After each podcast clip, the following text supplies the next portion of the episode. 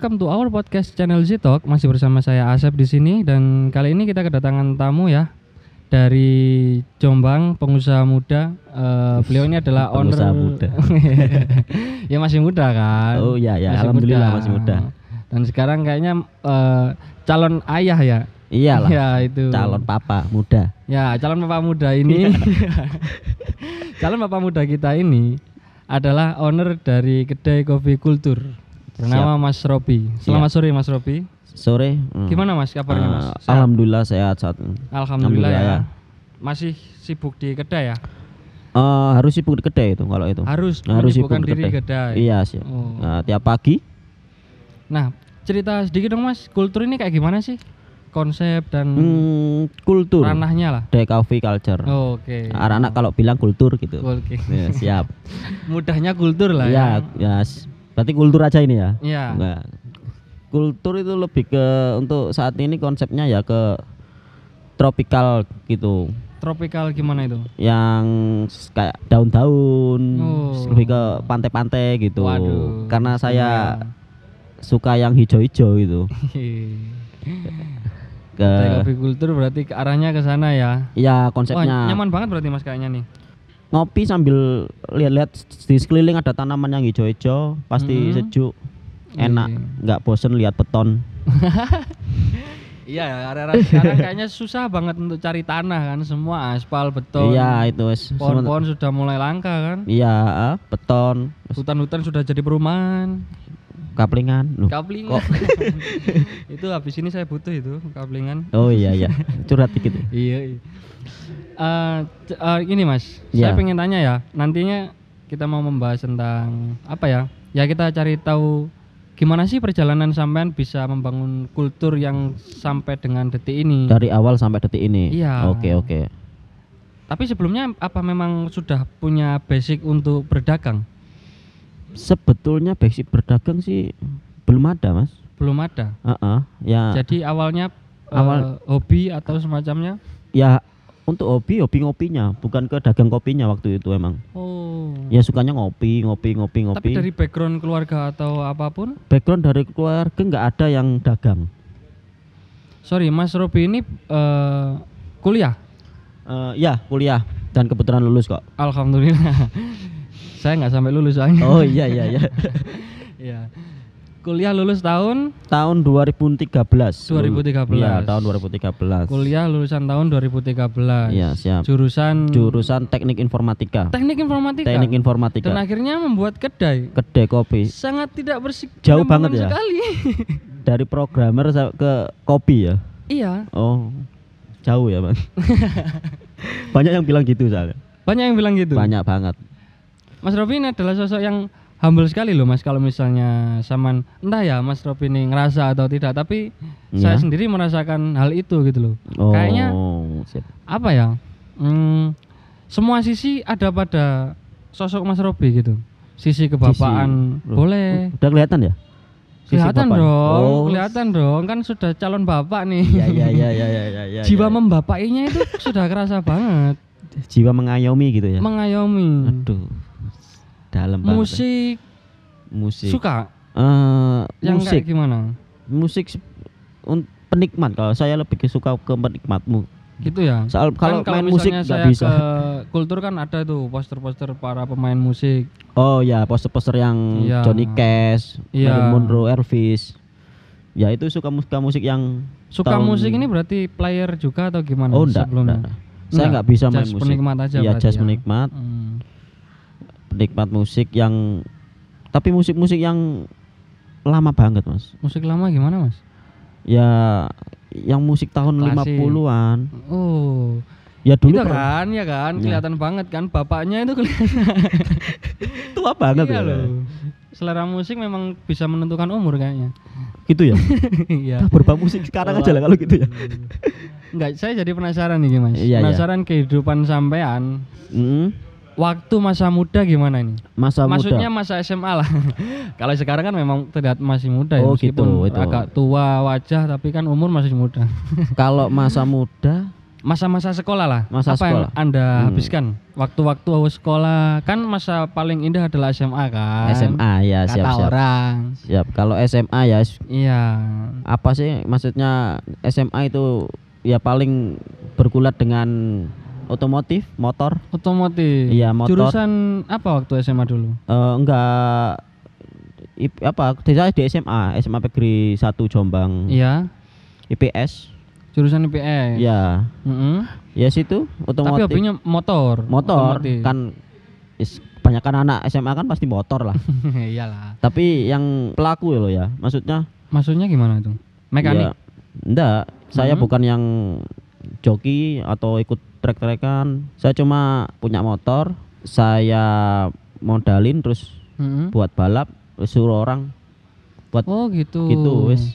Berarti sebenarnya dari SMA sudah mempunyai jiwa bos ya berarti ya. Hmm, Iya kan, manajemen-manajemen kayak gitu gimana sudah- ya? Ya kayak suka, nah, kalau aku lebih suka yang sebenarnya. di balik layar gitu loh. Memang basicnya suka or- jadi orang-orang yang di balik layar. Iya, Kak. Apa Ah. karena itu juga sama ambil kuliah di programmer? Kalau kuliah itu sebenarnya di luar ekspektasi saya. Malah di luar reputasi. Iya. Kenapa itu? Saya ambil komputer, saya pikir komputer itu cuma sekedar main Word, Excel, apalah. Oh gitu. Iya. Ternyata program dan bergulat dengan coding-coding aduh nggak paham sama sekali. Berhubung sudah masuk ya udah lanjutin terus aja. Oh berarti ini anu ya? Apa berarti bisa dibilang eh salah jurusan? Kalau dibilang salah jurusan ya gimana lagi sudah Sudah terlanjur masuk. terlanjur ya udah Tapi tetap di sekalian aja ya. Hmm. Tapi lulus ya alhamdulillah. Lulus. Lulus. Berapa semester tapi? Eh, 10 semester. 10 semester, alhamdulillah. Cukup lah 10 semester cukup. Paling tidak sudah ada kata-kata lulus lah. Iya, Pak. Nah, kalau misalnya SMA otomotif, terus di programmer Mm-mm. menghabiskan waktu kuliah berarti gimana itu mas? Kan Ah. zaman sudah nggak ada apa berarti? Maksudnya kan tadi Mas Robi bilang minat di kuliah sudah nggak iya. ada nih, Iya, kalau waktu kuliah ya? awal masuk cuma saya masuki satu semester aja. Satu semester. Satu Dari semester. 10 semester yang Oh, enggak kan nanti yang Anu. belakang ya masuk. Oh, masuk. Cuma dari satu ke sepuluh itu loh. eh, Dari satu semester saya masuki antara semester 2 sampai 7 mm-mm. itu saya masuk cuma ujian aja. masuk berarti ketika hanya waktu ujian. Iya, berarti UTS sama UAS saja. Terus hari-hari di kampus gimana tuh mas? Biasa anak muda waktu kuliah ngopi, fun, dunia malam nggak jauh-jauh beda dari situ. Pulang ngopi jam satu malam, Iya. main remi sampai pagi. It's everyday tiap tiap hari gitu. Tiap hari kayak Tiap gitu. hari gitu. Sambil nunggu waktu ujian. Sambil nunggu waktu ujian. Waktu ujian. Gila ya? Enggak ya? Normal ya? Banyak sih mas kayak gitu ya kayaknya. Banyak lah. Cuman nggak ada yang mengaku mungkin. Iya, mu- mu- Mungkin. banyak yang nggak mengaku, bro. Tapi nggak apa-apa. Dari dari dari situ kan akhirnya nyambung ternyata jurusan saya emang nyambung. Akhirnya nyambung. Iya kan tadi Atau dari situ eh, Mas Robi ini membangun relasi untuk ke depannya ini. umur segitu belum mikir relasi waktu saya mas, cuma fun aja. Ya biarkan mengalir gitu aja. Iya, biarkan ngalir. Belum ada pikiran besok besok jadi apa, apalah belum ada. Intinya fun. Nah, terus untuk men masa Mas Robi mengalami nggak sih masa-masa pencarian jati diri kayak gitu-gitu? Ya mengalami mas, jati diri. Coba-coba Hmm. menerka, ini aku nantinya mau kerja kayak gimana ya? Mau kayak gimana cita-citaku nanti jadi apa?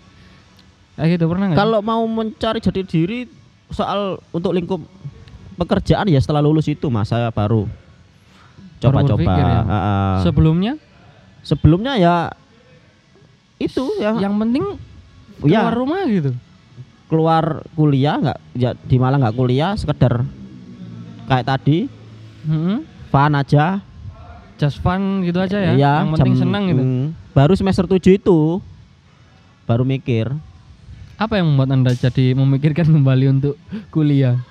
Eh Masalahnya di eh, semester-semester segitu Ya. banyak sekali anak yang memutuskan untuk ah mending kerja deh. Nah, kayak gitu-gitu kan. Lah. Sudah jenuh di perkuliahan dan sebagainya. hmm. Ya itu dari saya bilang kalau intinya ya saya nggak bisa gini terus. Wih. Intinya kan saya dikuliahkan orang tua saya kan itu kewajiban saya yang harus saya penuhi. Paling enggak Oh. lulus itu aja meskipun nilainya jelek apalah Yang penting paling enggak lulus. berusaha Nah. untuk menyelesaikan amanah dari Iya orang kan tua itu ya. kewajiban saya kan ya, harus saya Ya. hmm. dan juga dorongan teman-teman ayo masuk ini terus. Hmm. Nah, dari semester 7 itulah saya. dorongan teman atau Dorongan temen temen ini nih, temen yang sangat berpengaruh Ah. di hidup saya. bukan anu ya Hah? percintaan Oh, gitu bukan ya Bukan, bukan. Dulu enggak s- cinta nomor sekian kalau Waduh. waktu kuliah itu. Halnya intinya is sen- nyenengin diri diri sendiri dulu. senang dengan diri sendiri dan yang Ya. penting lulus gitu Lulus. masa sih mas nggak pernah mengalami ya gitu romansa romansa ya untuk menuju kalau romansa waktu zaman kuliah ya sekedar cinta-cinta biasa Mas, enggak sing ya enggak pakai dewalem gitu. Waduh. Eh, terus untuk memutuskan ini kan jurusan eh, apa programmer Ya, programmer kuliah jurusan programmer lulus tahun 2013 2013. dan 2014 muncul kultur Kultur. Udah Oh, kultur Oke. baru mulai kultur belum pernah lahir misalkan Misalkan. sekarang bisa membayangkan nggak mau jadi apa atau kayak gimana Kalau misal nggak ada kultur, yang Mm-mm. jelas saya nggak belum ada bayangan misal saya besok jadi apa gitu ya. Yang jelas saya bayangan waktu itu cuma setelah lulus ya harus saya harus sukses, punya uang banyak itu aja sih. Pikiran cuman ke ke situ ya Ya.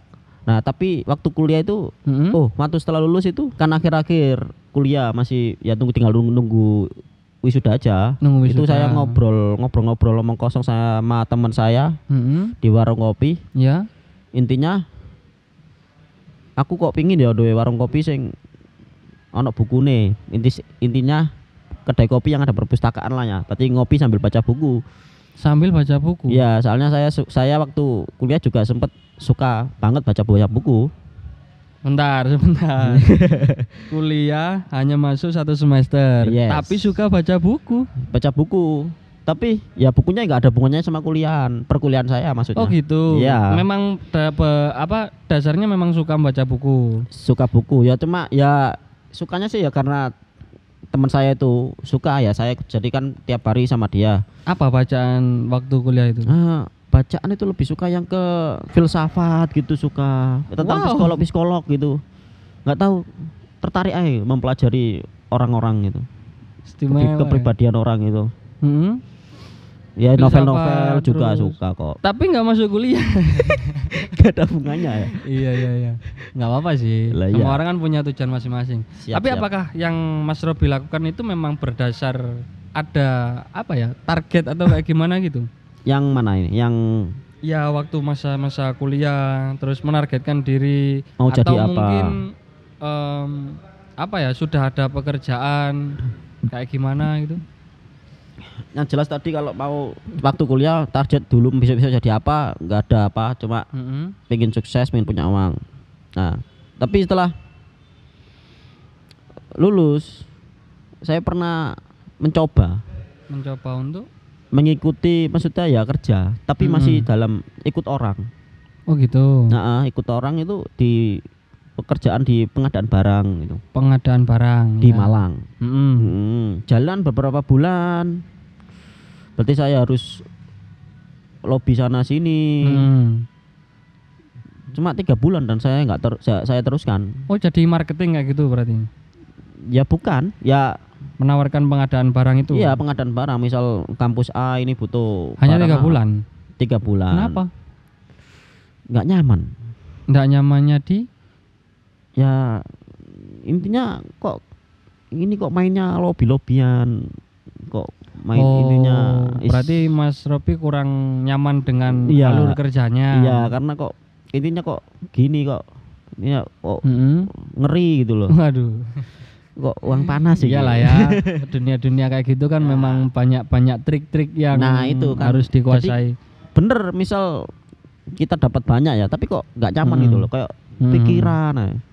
Hmm, di situ Mas Ya. Robi nggak nyaman dan memutuskan untuk resign.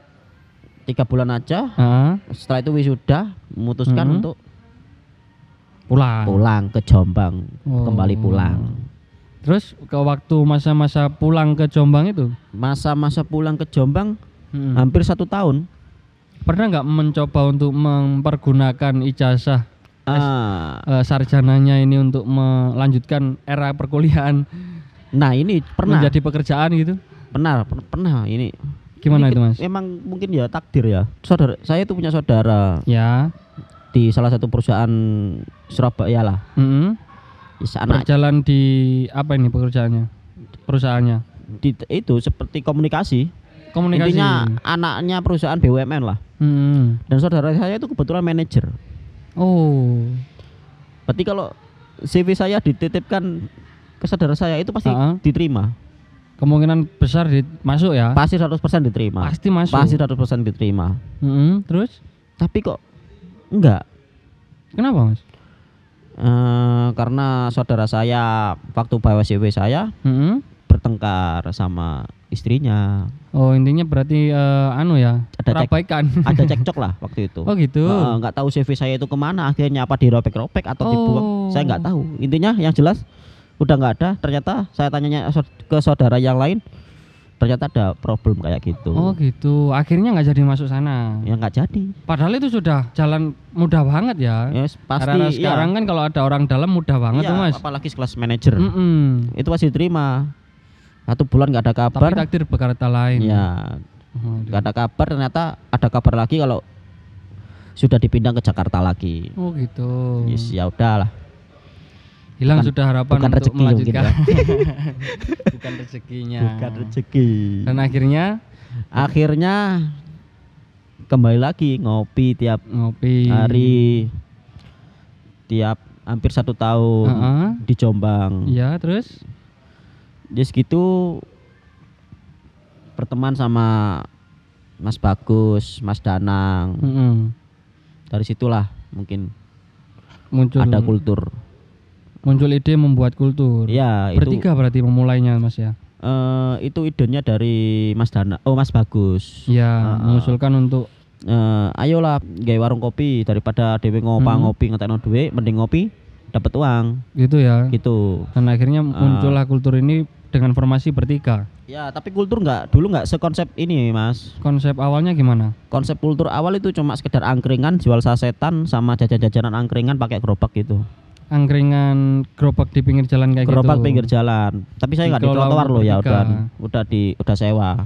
Oh, oke oke oke. Siap, pakai gerobak gitu. Dikelola bertiga untuk Iya, bikin. memuaskan rasa ngopi atau memang bertujuan untuk membesarkan atau kayak gimana? Waktu itu sih cuma daripada kita ngopi bayar, mending kita kan ngopi, kan masih tetap bisa ngopi. Ah, ah. Tapi kan dapat uang. oh gitu. Waktu itu cuma sekitar gitu aja. Tahun itu tahun 2014 2014 sing kultur lain November dengan konsep masih angkringan ya. masih angkringan. Untuk masuk ke ranah manual brew sekarang kan pakai manual brew kan? Oh, Maksudnya gitu. apa memang ini keputusan kayaknya kopi bakal anu deh bakal booming deh atau gimana?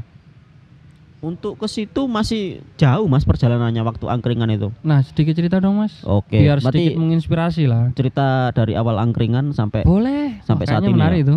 Oke oke. Eh ya tadi kan bertiga lah, langsung Hmm. kan intinya bikin kan. Ya. Oke lah bikin gerobak, oke jalan. Heeh. Yes, buka jam 5 sore sampai jam 1 malam. Jam 5 sore sampai jam 1 malam. ya kan waktu itu ngopi di Jombang, ngopi siang itu kan agak tabu. Oh gitu. Ya, Masa-masa itu masih tabu lah ya. Iya, oke buka sore aja, seret, jalan. Jadi jasanya gerobak dan di trotoar gitu, oh di tempatnya Ya, jualan itu, apa? nggak pakai, maksudnya nggak Enggak pakai. Ya pakai cuma dikit mungkin ukuran 2 meter aja. Hmm, Iya iya iya. Yang pakai tenda itu Hmm. yang ada saya ada ada ada karyawan satu Oh waktu gitu. itu. Iya. Berarti nggak ya, nggak berdagang bertiga maksudnya ya? Oh enggak. Nggak, Nah, cuma ada kalau orang yang Mas anu. Bagus nggak bisa langsung ke lapangan karena dia kan udah Hmm. berkeluarga. Oh gitu. Ya. Terpaksa kan saya yang masih single itu, Mm-mm. ya saya harus yang dari sore. Iya iya iya. Nah, iya. Dan si Danang cuma datangnya ya mulai jam 9 malam Oh. gitu. Tapi saya kan dari sore sama karyawan saya. Ya. Tapi situ suka dukanya hujan-hujan cuma dapat uang 6000 Ya semalaman. Semua itu mas ya, satu hari cuma dapat enam ribu. 6000 kadang orang datang bukan beli kopinya, Tapi beli sasetannya aja. terus, Yes, berarti sasetan itu dibeli, itu nggak nggak beli seduanya itu enggak. ya Allah. Itu jalan jalan tujuh bulan lah ya sekitar jalan tujuh bulan Heeh. angkringan intinya saya sama Mas Bagus berpikiran saya nggak bisa kayak gini terus Hmm. intinya kan stuck kan Ya. saya ingin lebih harus cari tempat Oh gitu. Heeh. Untuk upgrade lah ya. Heeh, saya ngobrol sama Mas Bagus dan cari Mhm. tempat oke dapat di sebelahnya kebetulan sebelahnya sebelahnya ada tempat kosong Ada tempat kosong Ya. yang lebih luas. apa Yang lebih luas. ya yang lebih luas dan udah nggak pakai rombong berarti kan Oh. kita nggak capek-capek untuk beresin Ya, ya, Nah, ya. gitu oke dan udah fix dapat tempat dan ternyata harus keluar uang lagi Mm-mm. saya sama Mas Bagus setuju dan cuma yang satu Mas Danang Mm. nggak setuju Oh gitu. Nah. ternyata kan kita ini dari suara bertiga kan suara terbanyak kan ada dua kan Heeh. paling nggak oke lah ya dia kudu kudu maju Mm. si Mas Danang nggak punya uang di diajak ngumpul itu sebenarnya ada ada solusi kalau kamu tak pinjemi uang dulu biar tetap orang bertiga Oh gitu. nah ternyata kita udah tiga kali ngajak kumpul Ya. dia nggak datang dari situ kita sepakat kalau yes kita harus cut ini Hmm. berarti tinggal Berdua. berdua dengan syarat kita membalikan modal awalnya si Mas Ya. Danang tadi oke jalan kita bangun modal lagi beli meja kursi Berdua dengan satu karyawan tadi itu. satu ya eh, Hmm. jalan lagi oke oke jalan itulah jalan hampir satu tahun satu tahun lebih lah Mm-mm. itu angkringan Masih bertahan di angkringan berarti di masih saat itu bertahan ya. angkringan Mm-mm. oke lah jalan udah jalan udah dapat hasilnya dan waktu itu saya gimana ya mungkin sok-sokan mungkin ya Sosokan gimana itu? sok-sokan bos gitu ya Terlena dengan Ya. hasilnya. eh ya mungkin tapi hasilnya ya pasti nggak besar besar amat Hmm. tapi mungkin ya terlena intinya saya itu nggak nggak memperdulikan kedai Oh gitu. jadi saya saya ke situ itu cuma ambil uang Oke oke oke. ambil uang Heeh. karena waktu itu saya kenal cewek Waduh. Aduh, cerita romansanya ini. ternyata di sini ya. Iya. Kalau Ini yang lain kan masa-masa SMA, Iya, iya. Mas Ropi malah agak-agak Oke, oke, oke. emosional ini Iya, iya, Nggak gimana, apa dari cerita. Apa-apa, apa-apa. Waduh. kenal cewek di situlah saya intinya fun aja Heeh. nongkrong Oh, maksudnya ke- kenal cewek di di kedai di kedai di kedai Oke. dikenal cewek di kedai dan Iya. intinya fun aja jalan Hmm. kok nyambung Iya. jadilah dan akhirnya dia tuh ininya dia itu kan waktu itu pengangguran Mm-mm. dan aku tahu kalau dia itu talent mempunyai intinya mempunyai talenta. talenta Mm-mm. nyanyi Oh, Nah. punya bakat nyanyi. bakat bakat nyanyi Siap. kebetulan kok ada apa ya audisi di Malang Audisi Di- band. ya audisi band di Malang band Hmm. band pub lah Ya, ya. oke ya. lah saya support saya anter ngorbit lah ya. Ya saya support lah Waduh. diterima akhirnya diterima Sangat mulia sekali niat tiap, ming- tiap minggu saya terima oh kok saya terima Eh, saat terima gimana? saya anter Oke. saya anter ke sana sana. jemput berarti di Jombang sama Malang ya? Eh, saya ikut saya ikut stay di sana misal Oh. berangkat berangkat Jumat minggu pulang Hmm, dan siap-siap. hampir tiap minggu di kayak gitu Hmm. makanya kedai gak keurus Oke. tak ambil lanjut. uangnya aja dari situlah intinya saya support habis-habisan hampir hampir satu tahun mas Hampir satu tahun. ya Fokus ke si mbak-mbak si, ini. si DE itu Iya. si dia. si dia Ya, oke. saya support dan alhamdulillah kok dia udah punya ke level yang lebih tinggi Mm-mm. udah long trip ke kelas nasional Widih. Bisa main ke Kalimantan Papua Jakarta semuanya Hmm. kan terus yang di Madiun kok intinya kan intinya saya itu udah nggak dia itu nggak intinya nggak respect sama saya itu loh intinya kayak ya intinya saya perlahan ditinggal Oh. yang di Madiun. Di waktu main di Medion. Waktu main di Madiun, Ya. Mas Robi merasa ada Ah. yang aneh gitu. Heeh, deket sama Waduh, ah, kena tikung berarti ini ceritanya ya. ya nggak tahu ya tikung ya. Ya, terus terus. ya tapi yang kenapa yang lebih ditinggalnya berkesan banget itu karena saya yang apa dia ninggal karena dia milih orang yang mempunyai kedai yang lebih besar dan kok kebetulan kedai kopi Oh. kedai kopi manual brew Sudah Mas Robi sudah bisa-bisa membiayai. nah siap Sudah populer, waktu ininya kan waktu saya terbuang sih Waduh. terus Dan akhirnya tertikung sama orang yang mempunyai kedai, kedai kopi manual brew. kedai kopi ya di Medi- Madiun yang Oke. besar manual brew sedangkan Iya, saya masih iya. sasetan Wah, masa galau ini sekarang nih berarti. waduh kalau kacau Seret, kedai masih buka mas. Kedai masih buka berarti ya? ya? saya pulang. Des.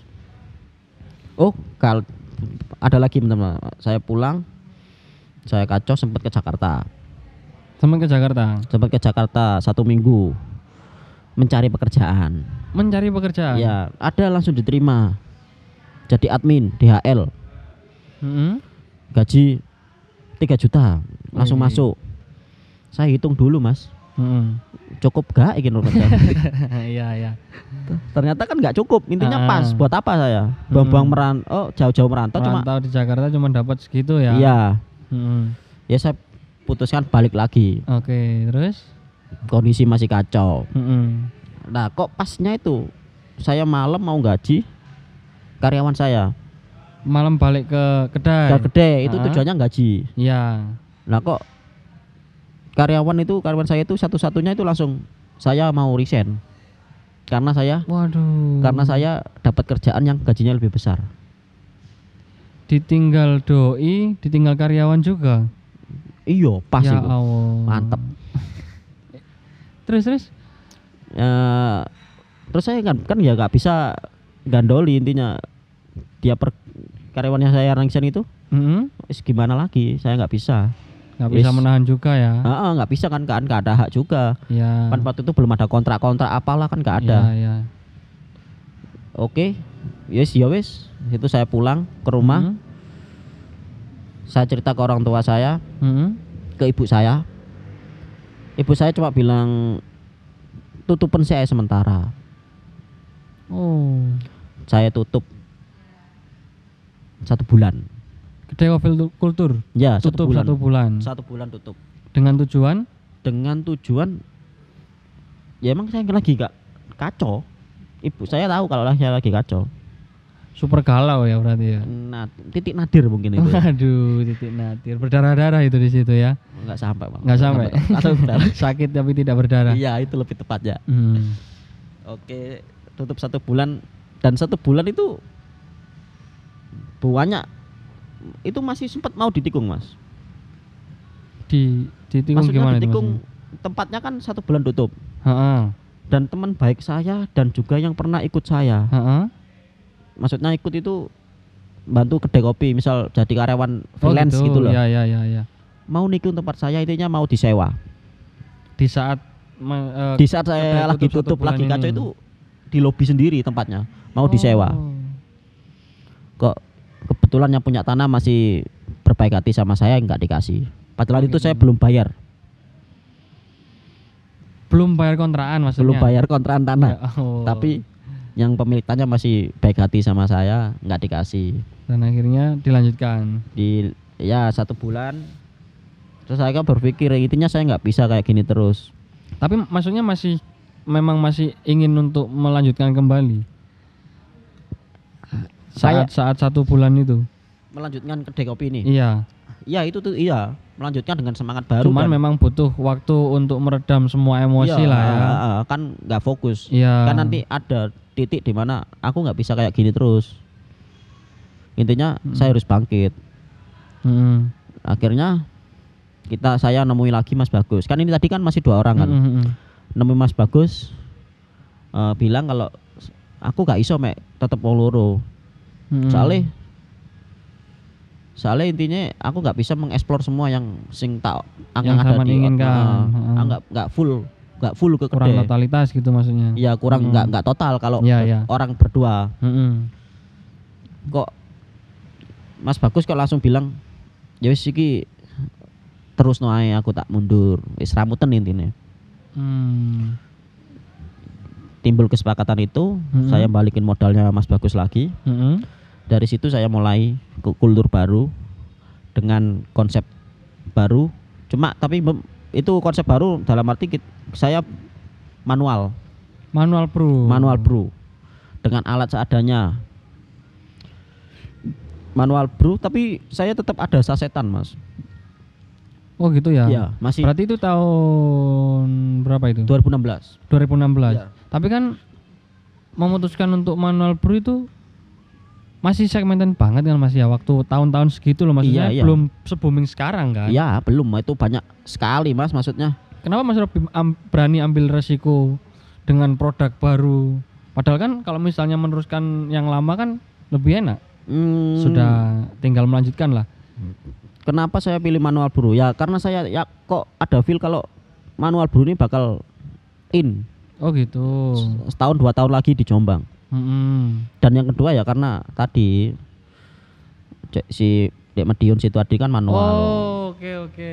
Sekaligus jadi pembuktian. Iya kan saya intinya di hati kan ingin ingin lebih besar dari dia. Oh, siap siap. Siap siap. Berdasarkan rasa galau ini Nah, akhirnya ah. muncul Keinginan sing untuk membuat hal yang sama. iyalah sinti sing intinya aku mau kalah untuk lu gede lah harusnya. Oh, gitu. Siap siap. Nah, Mantap. Terus Dan akhirnya manual brew manual brew ini. dengan terutama konsep manual brew saya saya ingin datengin kopi yang sekitar saat sekitar sekitar Jombangan saja. Hmm, Waktu itu ada kopi, kopi lokal dulu. kopi lokal misalnya ada Iya. kopi Esel Sawono Salam, Mm-mm. kopi apa Kepu Kediri di sekitar sekitar Jombang kan Jawa Timur lah Tapi paling. ke eh, pelanggan lama gimana itu, Mas? Nah, itu kan masa transisi mungkin ya Iya. dari o- orang yang dulu Kopi na- pakai gula lah. ya notabene saya jual sasetan, Heeh. saya bergeser ke Manual manual, brew. kan Susah Tapi- kan? ya pasti Mas. Heeh. Eh, tapi kan saya masih menyediain yang dulu saya sasetannya itu ada full semua misalnya ada 15 macam Mhm. saya potong seka- waktu itu cuma tiga Oh gitu. Ya. Dikurangi pelan-pelan. Iya pelan-pelan. Jadi orang masih bisa lah. Mm-mm. Nah, orang customer saya yang mau pindah ke manual brew macam-macam mas pendapatnya. Kalau dulu misal Mhm. kopi kok kecut, Mhm, itu sering banget sih. ya. ya. Sedangkan dulu alat saya itu awal-awal kettle saya nggak punya, Kettle belum punya. belum punya. Saya kettle pak kalau sekarang kan kettle air angsa. Iya. Kettle saya dulu kettle yang besar, kettle kettle yang bikin kopi biasa itu. Oh, pakai itu. Ya, berarti alat manual brew saya pertama itu grinder. Iya. V6 drip, V60 sama rock preso. Oh, rock preso belum waktu itu. Itu setelah beberapa bulan. Berarti orang itu semacam-macam datang. Mungkin orang yang ini ada cerita yang agak sedikit menarik. Iya, isi. Itu kalau bisa bilang itu apa ya? Kalau orang pendekar kopi mungkin ya. Momen-momen pendekar kopi. Iya, pendekar kopi tahun segitu itu udah tua orangnya. Heeh. Eh, intinya gini dia datang ngopi dia seneng Mhm. Loh kok ada kopi manual Jepang iya iya gitu dia ya. so- seneng banget oke lah Mhm. ya saya terima saya juga seneng akhirnya kan ada Hmm. teman sharing Ya. cuma dia yang terakhir ngobrol Heeh. eh mas besok tak ngajak kocok-kocok kurene yo Loh, Besok mau ngajak teman-temannya. ya, eh, yang suka manual Oke.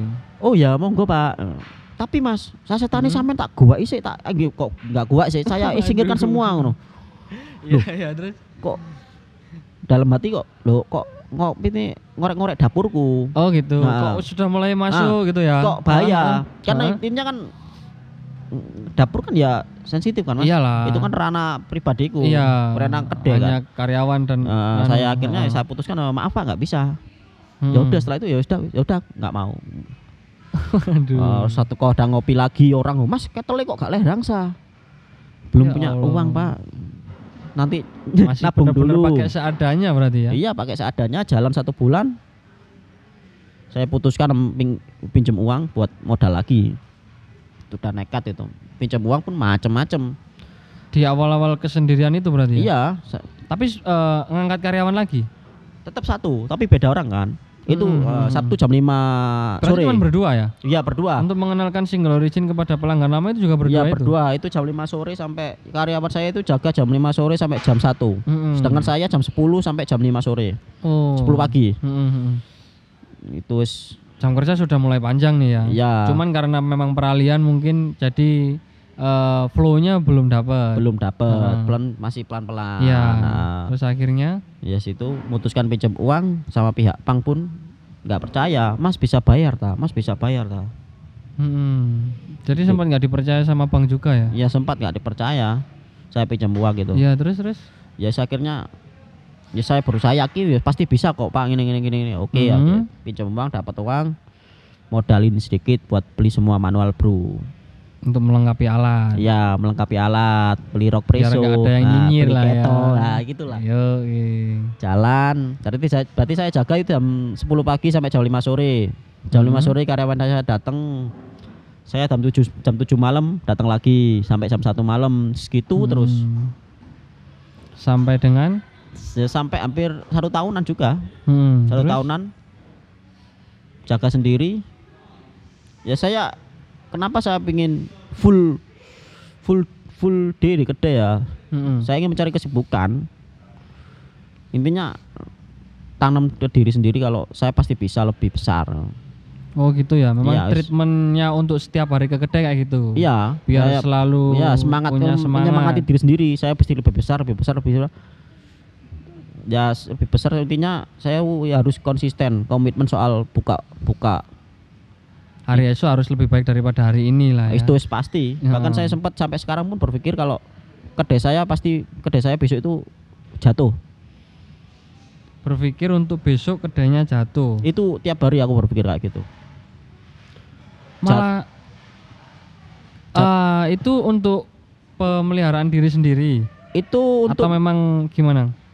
Kan inti itu untuk saya bilang kalau intinya saya harus sekarang itu harus bener-bener jaga kedai saya Oh. tiap hari Hmm. makanya saya itu bi- memikir pikir kalau besok kedai saya jatuh nah kalau berpikir sampai di besok kedai saya jatuh kan saya hari ini pasti maksimal. maksimal oh, treatmentnya untuk diri sendiri iya kayak gitu iya, ya. iya seperti saya wis saya Menarik tanam sendiri itu. Hmm. Iya terus? jalan satu tahun ya tadi Hmm. Jadi gini, eh bisa dikatakan bahwasanya dari situ Saman sudah memulai menemukan passion diri. passion itu tentang soal kenyamanan ya Heeh. jalani sesuatu dengan nyaman Hmm. saat itu saya jaga kedai itu bukan belum belum belum bi- belum bisa dibilang nyaman tapi lebih ke saya harus tadi yang lebih besar saya harus bikin kedai ini lebih besar intinya jal, sukses dengan kedai ini Hmm. waktu itu saya berpikir saat itu mungkin saat ini seperti itu. mungkin saat ini aku Tapi baru dengan tidak nyaman itu, maksudnya belum merasakan nyaman di Belum. di itu. ya belum lah mas misal dapat uang pun belum pasti kan Iya sih. nah kan masih ah. mana kenyamanan kan belum dapat loh. Mm-mm. tapi aku harus ngelakuin Berdasar kebutuhan berarti. Kebutuhan dan keinginan untuk, Untuk- membuat yang lebih untuk waktu itu lebih mem- mem- membuktikan kalau saya bisa untuk waktu itu loh ya berarti masih dalam kategori pembuktian Iya. sakit hati. Oh, iya. sakit Oke, eh, oke, itu pembuktian kalau Ah, saya ah, pasti ah. lebih besar dan lebih besar dan Oh, siap siap. siap. makanya tuh Mm-mm. tapi untuk semakin ke sini semakin ke sini Ah, ah. itu kan pasti wis ya wis lah buat apa saya gitu terus yang penting saya merawat kedai Mm-mm. nah baru-baru satu tahun ini aku merasakan kenyamanan benar-benar jalani ini menjalani. ya udah nggak terobsesi aku lebih besar lah Nah, kalau apalah. sekarang gimana? Saman anggap kultur ini sebagai apa berarti? kultur sebagai apa seperti anak mas saya jaga saya benar-benar jaga Yang awalnya dulu memang niat untuk mem- membesarkan yang Iya. penting aku sukses dan sekarang sudah menjadi anak lah ya. iya anak terus intinya dia tuh Mm-mm. dia kayak pegangan utamaku saat Hmm. ini. Makanya saya harus jaga, saya rawat. Hmm. Tapi tetap tadi yang berpikiran kalau kultur besok hancur. Itu masih masih ada di pikiranku saat ini. karena biar untuk setiap harinya Tiap semakin hari saya maksimal untuk ngelaku apa? Jaga kedai ini. Ya ini menarik sekali nih untuk para pendengar berpikiran bahwasanya besok adalah hari kehancuran usaha kita agar setiap harinya kita benar-benar maksimal. secara maksimal. Oke, oke. Nah, terakhir nih Mas. Kira-kira siapa ya yang berjasa dari kehidupan sendiri? Maksudnya Mas Robi sendiri untuk membesarkan kultur sampai dengan sekarang. Ucapan-ucapan terima Ucapan kasih. terima kasih. Nah, kayak gitulah. Beberapa ya orang, apa ya? Oh, nggak apa-apa. Yang jelas Kan kan, pasti ada kan. Oh, iya, iya, Siapa orang yang benar-benar menguatkan ketika terpuruk. yang jelas sebagainya. kedua orang tua saya yang selalu mendoakan Ya. dan yang ke- yang kedua itu waktu teman saya yang apa bangkitin saya waktu kuliah saya nggak jelas ke mana-mana pulang Hmm. malam Hmm. ngebir alkohol sempat eh, melalui hal-hal itu juga Mas, pasti mas Iya, everyday iya, iya. Heeh. dan teman saya itu yang intinya narik saya. Ayo. Teman siapa ini? Teman kuliah. Ini sekarang sudah almarhum. Oh. Namanya Frankie anak pare. Frankie. Anak pare ya. Mm-mm. berarti dia itu yang jelas sedikit ini ya tentang iya iya iya silakan. Frankie. boleh boleh boleh. Salah soalnya saya berterima kasih ke, Heeh, banget ke heeh. dia. Iya.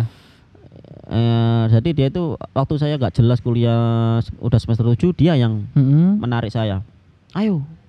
Dia itu menye- bukan cuma menyemangati, tapi? Tapi ya sampai dia mengantar saya ke, ngurusi ini sampai ke Surabaya semuanya. Sampai saya bisa skripsi. benar-benar membimbing? Iya, mengantar sampai iya sampai berarti tenaga. segitu khawatirnya Mas Frankie sama nggak sampai tujuan ya berarti? Iya mungkin. iya iya. Iya iya. Ya, Dan akhirnya? saya sampai skripsi, Heeh. dia lulus dulu, selisih satu semester. oh padahal seangkatan. Ya satu angkatan. nggak ketemu. Nggak tahu kenapa akhirnya saya itu dihubungi terus. Intinya mampiro mampiro. Mampir ke rumah waktu pulang ke Jombang. Oh iya. Ono apa? Wis lah mampiro. Mm-mm. Eh, di situ ya oke lah mampir. Mm-mm. mampir ngobrol-ngobrol bentar yes. Ngobrol-ngobrol santai biasa nggak ada Hmm. firasat apa apa Mm-mm. satu minggu berikutnya dia dapat saya dapat kabar kalau Frankie meninggal karena inna apa, ketim, ketimpa pohon. Kecelakaan. Ya yes, enak-enak sepeda Mm-mm. ada pohon jatuh pas ke dia langsung Ya meninggal di tempat. Itu langsung gimana mas ya? Kayak Mm-mm.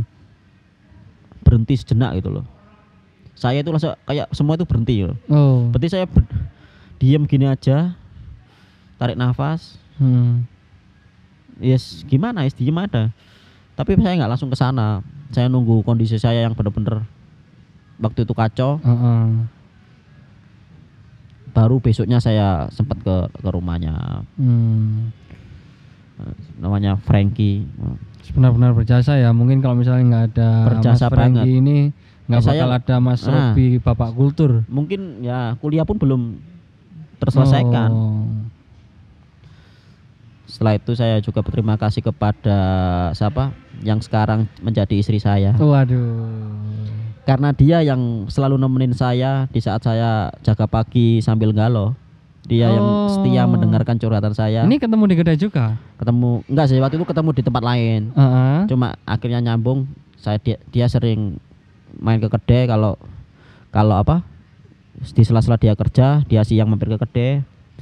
Nemenin saya Hmm. jaga sendiri. Kan waktu itu ja- ja- pagi kan masih masih sepi kan, Mas. ya pasti kan gak ada temen nih. Mm. ya ada orang satu dua cuma dia nggak menemani. selalu nemenin Yuh, menemani curhatku ketika.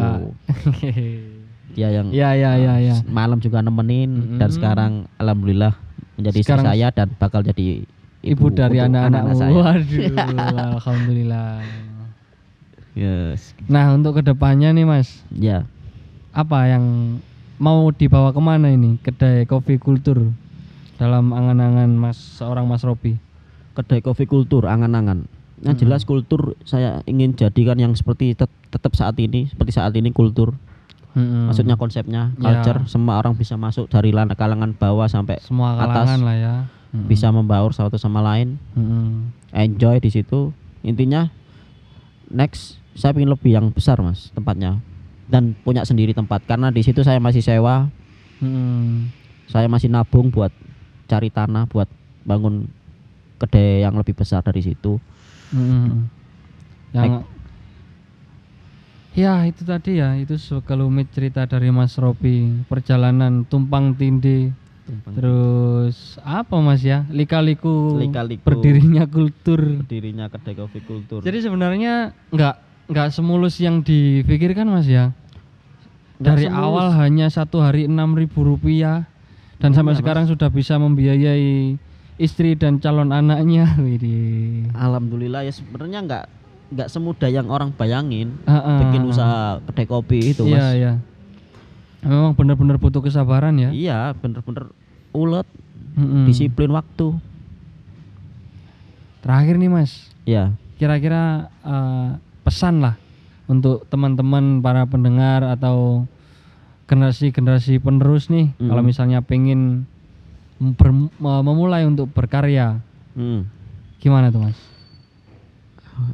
mulai ini bikin kedai gitu Ya semacam itulah. ya ya kalau misal beru apa mau bikin kedai kopi coffee shop apa kafe Mm-mm. ya bersyukurlah kalau misal sa- udah ada uang Mm-mm. itu kamu jaga baik-baik misal dengan tadi disiplin Disiplin. waktu buka Waktu buka. iya Ah. maksudnya tepat on time gitu loh Oh. on time tiap hari buka Disiplin waktu. iya ulet berpikir besok kedai saya hancur Iya, itu iya. juga pengaruh Iya iya iya. Heeh, untuk yang Filosofi banget sih. kalau untuk itu. yang belum punya misal uang Mm-mm. sebenarnya bisa kok asal kemauan misal modal 2 juta angkringan dulu Mm. pasti bisa kok yang penting ada kemampuan dan target ya. iya pasti ke- kemauan itu Mm-mm.